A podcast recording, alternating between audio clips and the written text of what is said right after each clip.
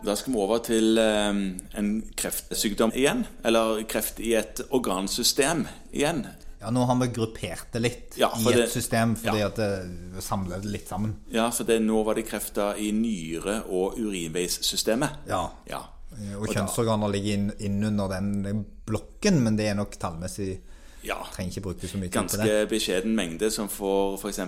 peniskarsinom. Det fins, men det er finnes. ganske få. Ja. Men eh, det vanligste her må jo være blærekreft og nyrekreft og litt sånn bekkenkrefter. Ny- Nyrebekkenkrefter. Nyrebekkenkrefter, ja. Ja. Men eh, hvem får dette, da? Eller hvor mange dør først? Ja, 880. Ja, så det begynner å monne litt. Ja. Men vi har slått det litt sammen, da. Men eh, det begynner å bli en del som dør av denne typen kreft. Ja, kreft i urinveiene, hvis vi skal samle det opp sånn, det er det altså en del som dør av.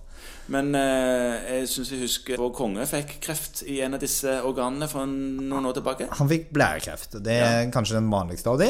Og det er ikke så helt uvanlig. Par tusen tilfeller i året. Og heller ikke så uvanlig at det er en, holdt på å si en konge, men det var ikke det jeg mente, en mann som får det. Ja, jeg tror du skal være forsiktig med å kalle alle menn konger. Ja, ja Det vil du jeg skal nok være møte forsiktig med det. motstand på.